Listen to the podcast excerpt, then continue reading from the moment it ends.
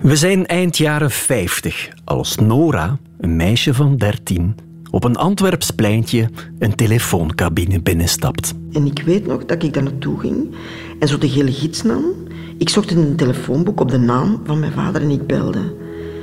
En dan aan de andere kant van de lijn werd opgenomen en ik zei: eh, Kan ik meneer spreken?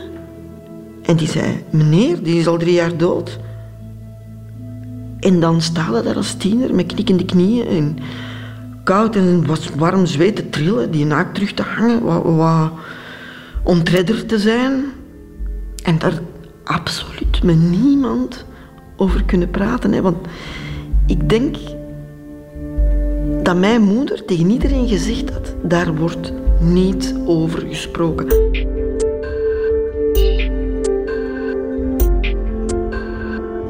Hallo, ik ben Wart Bogaert van Radio 1 en je luistert naar Iemand, een podcast over gewone mensen met ongewone verhalen. En ik heb dit verhaal, het verhaal van Nora dus, gehoord op de trein. Het was haar schoonzoon, een collega van mij, die het mij vertelde. Lang verhaal kort, toen ik op mijn bestemming aankwam, had ik haar telefoonnummer al. En ik wist, dit is een verhaal voor iemand. Het begint al een jaar of twee voor Nora's geboorte. Als Nora's vader, een collaborateur, na de oorlog uit Duitsland terugkeert. Het is 1944, het is de bevrijding. En mijn vader wordt verklikt, aangegeven. En die wordt opgepakt en die gaat voor 17 maanden een kamp in. Dus mijn moeder die ging terug bij haar ouders wonen en die ging werken. En op dat moment had hij werk in Tophead. Tophead, dat was de basis van de geallieerden op Linkeroever in Antwerpen. En dat was daar heel plezant, denk ik. Hè? Maar ja, heel los en uh, iets helemaal anders dan onder de kerk door. Ja, en mijn moeder had het daar erg naar haar zin. Na 17 maanden komt Nora's vader vrij. En mijn moeder die blijft gewoon haar werk doen. En het blijft daar plezant.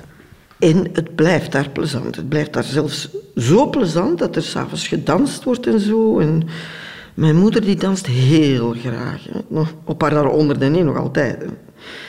Dus mijn vader is heel, heel jaloers en die zegt, oh, dat gaat niet zeg. En die trapt het af. En die gaat terug naar zijn ouders. Mijn moeder vindt dat toch eigenlijk wel uh, erg. En die onderneemt enkele pogingen tot verzoening. Dus die gaat naar hem, allee, toe, in het huis van zijn ouders. Ze gaan naar zijn kamer en uh, klappen, klappen, klappen. En nog meer van die verzoeningspogingen. En een van die verzoeningspogingen, voilà, dat ben ik. ik. Enkele maanden later, of een maand later, ik weet het niet juist, gaat mijn moeder terug en die zegt, ik ben zwanger. En mijn vader die zegt, oh nee, dat is niet van mij. Dat is niet van mij. Hè.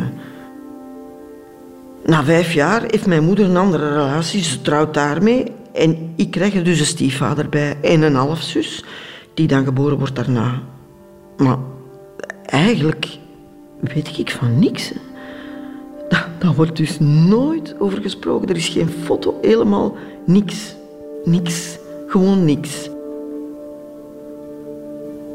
Hoe ik aan die naam kwam de nonnen op school, die zei tegen mij, ja, maar dat is uw zuster niet. Ik zei, hoezo, dat is mijn zuster niet. Die ligt s'avonds bij mij in bed, dat is mijn zuster wel. Dus ja, je krijgt indrukken die je niet kunt plaatsen. Hè. Eigenlijk had ik het gevoel dat ik die was. Gewoon poef, gedropt. En als je dan begint te vragen, ja, maar wie was mijn vader? Ja, maar dat weet ik niet meer, manneke. Ja, maar was dat een grote of was dat een kleine? Zeg, manneke, dat weet ik toch niet. Dat is zo lang geleden. Pff, dat weet ik allemaal niet. Wat Nora, die nu 77 is, tot nu toe allemaal vertelde, dat weet ze nog maar een jaar of twee. Er gaat geen dag voorbij of je denkt daar niet aan. Nora groeit op in een gezin waarin niemand dezelfde familienaam heeft als zij. Haar zus niet, haar stiefvader niet. En haar moeder antwoordt niets op alle vragen die ze erover stelt. Ze wist niks, zo gezegd. Echt of niet. Verdrongen, expres. om haar eigen verdriet te bedekken, om haar aandeel daarin niet te bekennen. Ja, ja waarom? Enfin. Ook haar grootouders, waar ze tot haar veertiende veel tijd doorbrengt en die alles zouden moeten weten, die zwijgen in alle talen. De steekproef in de telefooncabine, die levert niets op. Dat blijft woekeren, hè. zoiets dat blijft woekeren. Ook als Nora ondertussen dertig is en getrouwd, moeder en kunstenares. Ik had ondertussen zijn adres gevonden. Ik had ergens dat adres zien staan. Hoe of wat, ik weet het niet, maar ik had dat adres gevonden. Dus schreef ik een brief dat ik hem wilde ontmoeten. En dat ik dan die zaterdag namiddag om twee uur op de Keizerlei in de Locarno zou zijn. De Locarno. Een bekend café is dat op de De Keizerlei in Antwerpen. Bon, ik zat daar dus in de Locarno te kijken naar alle mannen die daar binnenkwamen alleen. Nee, dat is te groot. Nee, dat is te oud, dat kan ook niet. Nee, dat is te jong. Dat kan ook niet. Zo een uur, anderhalf uur. En niemand die kwam. Dus ik geraak opgedraaid. Dan helemaal naar huis. En ik zeg tegen man, mijn man, maar nu wil ik die vandaag zien. Hè. Dus hij in zijn auto, ik ernaast en we rijden naar dat adres. Ik bel. Die doet open. En die zegt... Wat kom jij doen? Jij zei mijn dochter niet. En toen ben ik kwaad geworden tegen hem. Wat ik juist gezegd heb, dat weet ik niet meer, maar ik was wel heel kwaad. De vader van Nora, die dus blijft ontkennen dat hij de vader is, is ondertussen met een andere vrouw getrouwd. En toen kwam die tweede vrouw binnen en toen was er helemaal geen communicatie meer mogelijk. Helemaal niet. Ten eerste was het een legitimatie voor haarzelf natuurlijk om tegen mijn moeder zo te ageren. En, en zo tegen hem van, dat kind is niet van u. En die loopt mee met andere mannen, weet ik, allemaal. Maar ja, dat ging dus niet. Hè. De, zij blokkeerde iedere mogelijke poging. Iedere mogelijke poging.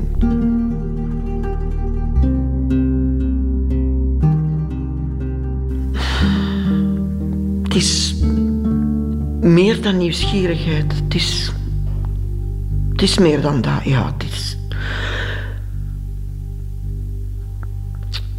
een soort leegte die je ingevuld wilt hebben, ja.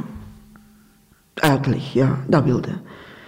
Misschien helemaal niet de sentimentele kant. Hè. Ik denk niet dat dat er zo erg bij was, dat denk ik niet, nee. Maar vooral weten, ja. Uitleg. Erkenning, heel erg. Ik denk dat dat de voornaamste drijfveer was dat ik dat toen gedaan heb. Dat was geen logisch plan, nee, nee. Er was een drang en dat moest nu. Er kwam dus niks van in huis. Want hij zei, wat kom jij doen? Jij bent mijn dochter niet. En die vrouw kwam dan binnen. Ah, kom jij voor het geld, hè? Maar nee, kom ik niet voor het geld. Enfin, enfin, naar huis. Nog één keer probeert Nora het bij haar moeder. Ik vraag haar, zonder enig verwijt...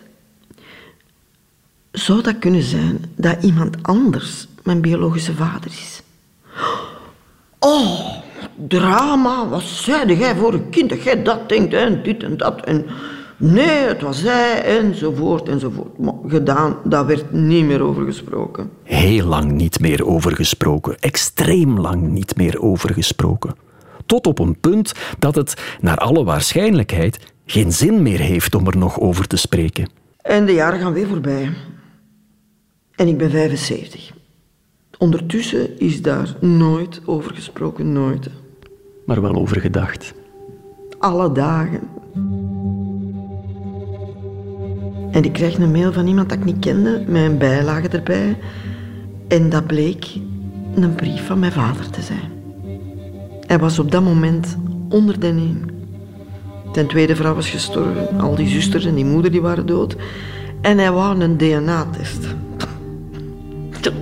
Vrijlaten. Vrijlaten Frank, zou ik zeggen. Enfin, bon. Nooit had ik daar nog rekening mee gehouden. Nooit. Nooit. Nora wil op haar 75ste eindelijk van de twijfel af. En ze stemt in met de DNA-test. En dan komt de post. En daar zit dus een brief in met een zeer duidelijk verslag van een uitslag van DNA-onderzoek. Met 99,9999% zekerheid dat die man dus mijn vader is, mijn biologische vader is. Familie heel nieuwsgierig natuurlijk, dus ik bel direct naar mijn dochter en ik zeg: Ja, we hebben er een vava bij. Vava, zo had je uh, meteen besloten om hem te noemen. Ja, nou, papa dat ging niet. Vader, dat kon ook niet. Ik vond vava, dat gaat. En nu nog spreken we over de vava. Meer dan 60 jaar na het debakkelen in de telefooncabine. Meer dan 40 jaar na het vergeefse wachten in de Locarno en de pijnlijke ontmoeting aan de voordeur, weet Nora dat haar vader haar vader is. En dat hij op zijn 101 bereid is dat eindelijk te erkennen. En toen wou wij mij ontmoeten. Nora denkt lang na over hoe ze het wil aanpakken. Welke vragen zal ik stellen? Hoe zal de begroeting verlopen? Wat zal ik vertellen? Ze beslist uiteindelijk om een brief te schrijven en die aan hem voor te lezen. Ik had op voorhand voor mezelf gezegd: dit is mijn grens, daar komt niemand niet over. Ik ga geen lichamelijk contact hebben, ik ga mijn brief voorlezen en dat is het. En dat heb ik gedaan. De ontmoeting vindt plaats op neutraal terrein, in het huis van een neef, een zoon van een zus van haar vader, van wie ze het bestaan tot dan ook niet vermoeden. Wij komen binnen en hij zit dus van achter in de living in een zetel. En die staat recht. En die komt met uitgestrekte armen naar mij toe om mij te omhelzen. Ik ga daar naartoe, ik ga daar recht voor staan en ik zeg, dat gaan we dus niet doen. Dat gaan wij niet doen. En toen zakte zijn armen. We zijn aan tafel gaan zitten. En ik zeg, jij wou mij iets vertellen. Ik ben hier. Ik wil luisteren. Hij doet zijn uitleg over een oorlog en dit en dat. Allemaal over zichzelf zo. Ik zeg, ik zou nu graag eens hebben dat jij naar mij luistert. En ik had een brief geschreven. En ik heb die toen voorgelezen. En toen was het stil. Een brief begint zo. 75 jaar is een verdomd lange tijd. Een verdomd lange tijd om te wachten wie uw vader is. Ik heb hem gezegd.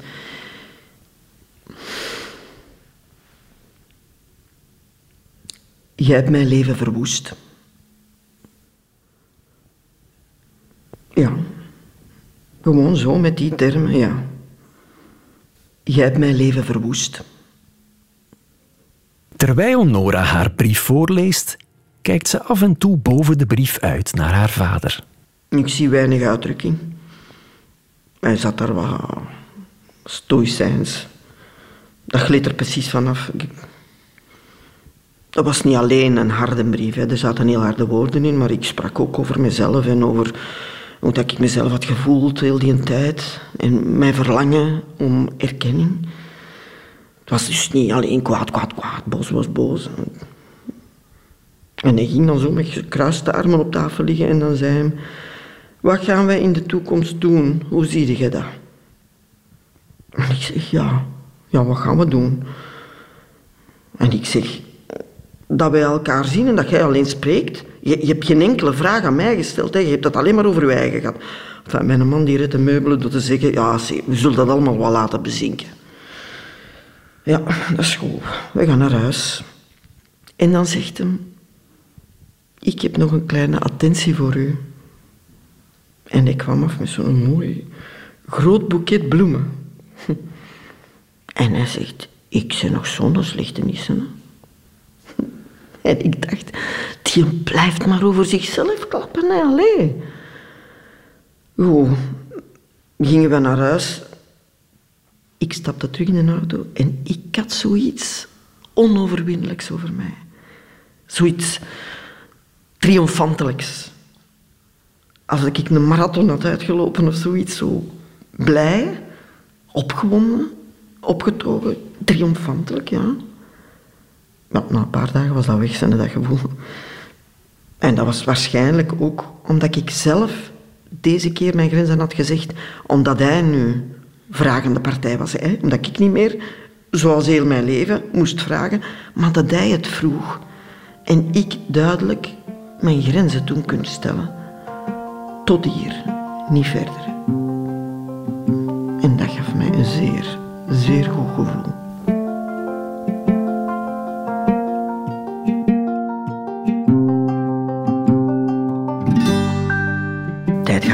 Een paar weken en zo. En toch, dat trekt. Echt, dat trekt. Ik wou die terugzien. Ah, Ik kon dat moeilijk aan mijn eigen toegeven. Ik kon heel moeilijk toegeven dat ik dat wel wou, dat die een drang daar was. Dus een paar weken later ben ik daar dan naartoe gegaan met mijn man. En we hebben daar gezeten en we hebben wat gebabbeld. Hij was heel blij dat ik kwam. En dan heb ik vragen gesteld aan hem en hij heeft daar eerlijk op geantwoord. Hij heeft ook gezegd, je moet kunnen toegeven in je leven dat je iets verkeerd hebt gedaan. Dat vond ik al veel. En dat hij er spijt van had.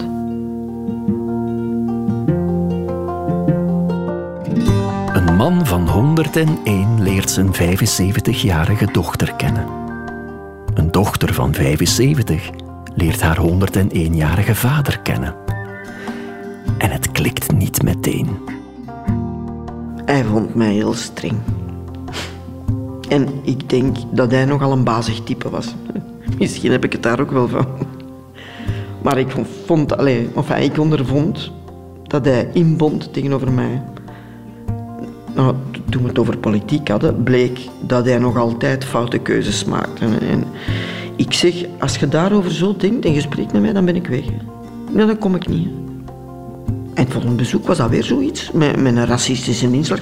Dus ik zeg tegen mijn man, ik zeg, kom, we zijn weg, jas aan en we zijn buiten. Nou, de volgende keer wou we bijna beginnen en ik zeg, nee hè. Nee hè, ik, ik ben weg hè. En dan lachte hij zo'n keer en dan stopte. En hij lachte hem zoiets en eh, zei, ja, in de politiek komen we niet overleen hè. Nee hè. Nee, ik denk het niet dat we daarin overeenkomen. Maar los van de meningsverschillen kijkt Nora ook heel goed naar haar vader. Dat is dus heel raar, hè? Dat ik mijn eigen ben tegengekomen. Ik herkende mezelf in hem. Zo'n manier van praten, manier van kijken, van reageren. Ik dacht, hoe kan dat nu? Die is nooit enig voorbeeld voor mij geweest. Nooit. Ik heb die nooit gezien, hè? Dat is dus eng. Dat is echt... Dat is een beetje eng. Ja. Langs de andere kant is dat herkenningen herkenningen met Nash. De tweede of de derde keer dat we daar op bezoek waren, dan zei hij, mijn vader schilderde ook. Ah ja, ja, dat hè, dat is van hem.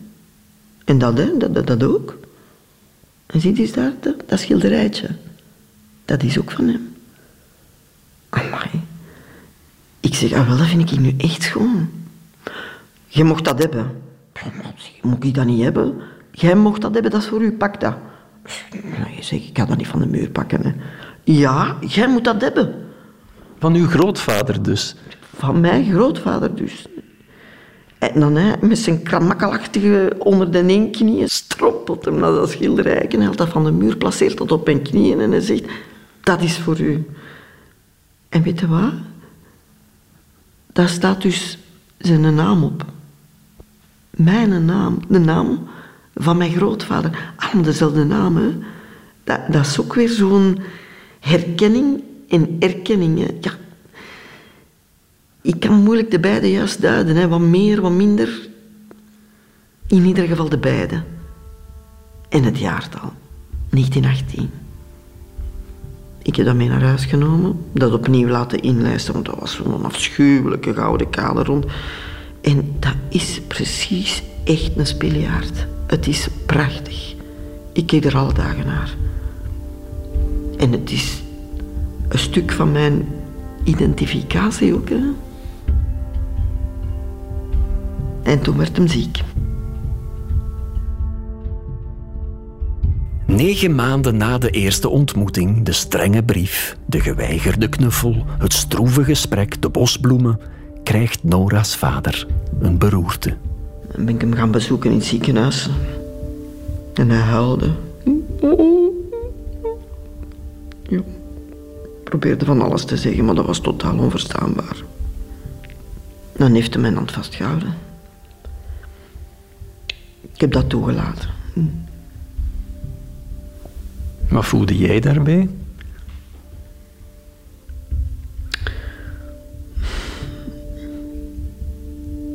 Ik weet dan niet hoe dat, dat voelde. Altijd iets dubbel, toch? Altijd, altijd iets dubbel. Nooit onvoorwaardelijk.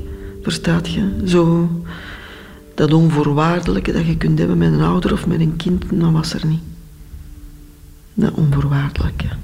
Maar nee, dat kon ook niet. Hè.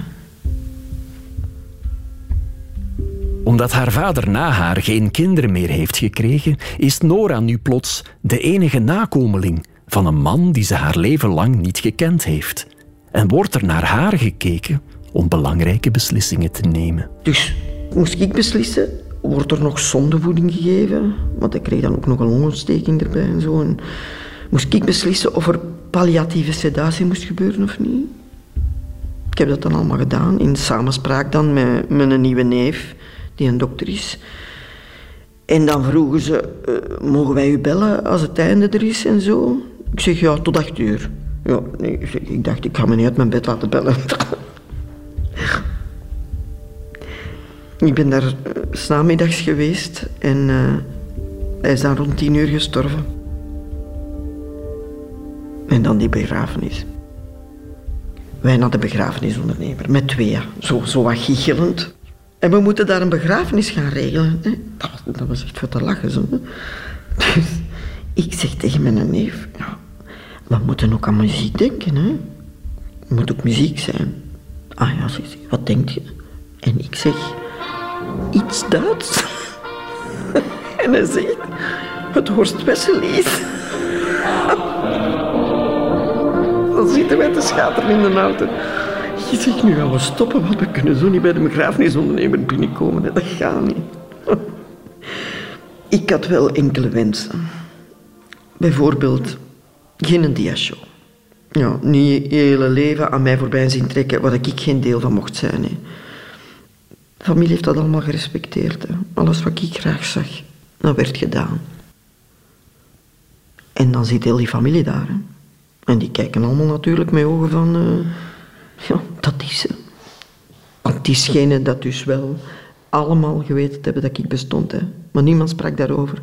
Want dat mocht niet van hem. Of van die vrouw, of van alle twee. En die neven en die nichten, dat zijn dus allemaal kinderen van die zusters van hem. Hè. En die zusters die hebben ook allemaal boter op hun kop.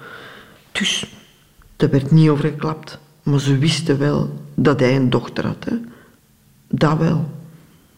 Dus ineens staat hij daar. En niet alleen staat ze daar. De familie kijkt ook nadrukkelijk in Nora's richting om het voortouw te nemen tijdens de uitvaarddienst. De familie stelde voor, ik eerst.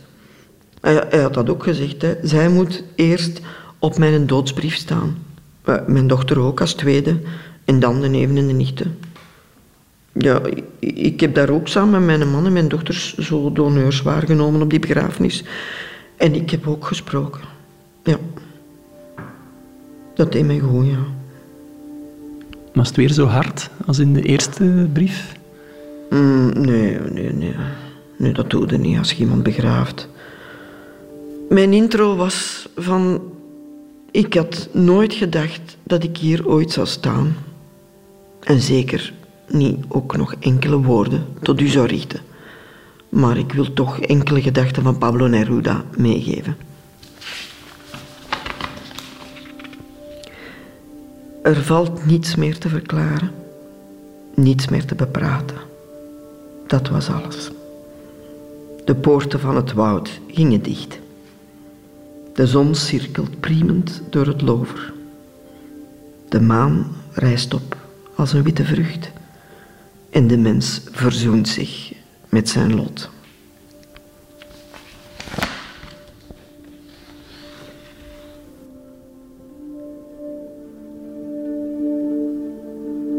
Wist uw moeder van dit alles? Mijn moeder weet van dit alles niks. Wacht, weet, zeg je. Tot op de dag van vandaag. Tot op de dag van vandaag weet zij daar niks van. Ik ben ook niet van plan om haar dat te vertellen.